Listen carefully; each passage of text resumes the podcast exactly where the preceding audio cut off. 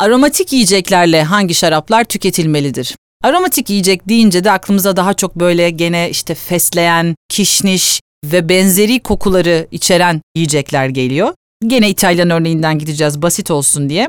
Mesela pesto soslu bir makarna yiyorsunuz. Yanına nasıl bir şarap e, tüketmelisiniz? En az onun kadar aromatik bir şarap tüketmelisiniz. Mesela bir Sauvignon Blanc, özellikle bir Yeni Zelanda Sauvignon Blanc'ı çok aromatik olacağı için e, bunu dengeleyecektir. Sek bir misket şarabı yani misket üzümlerinden üretilen şekersiz bir şarap gene o aroma dengesini çok güzel sağlayacaktır. Tabii ben burada basit örnekler veriyorum ama malum bu kadarla sınırlı değil.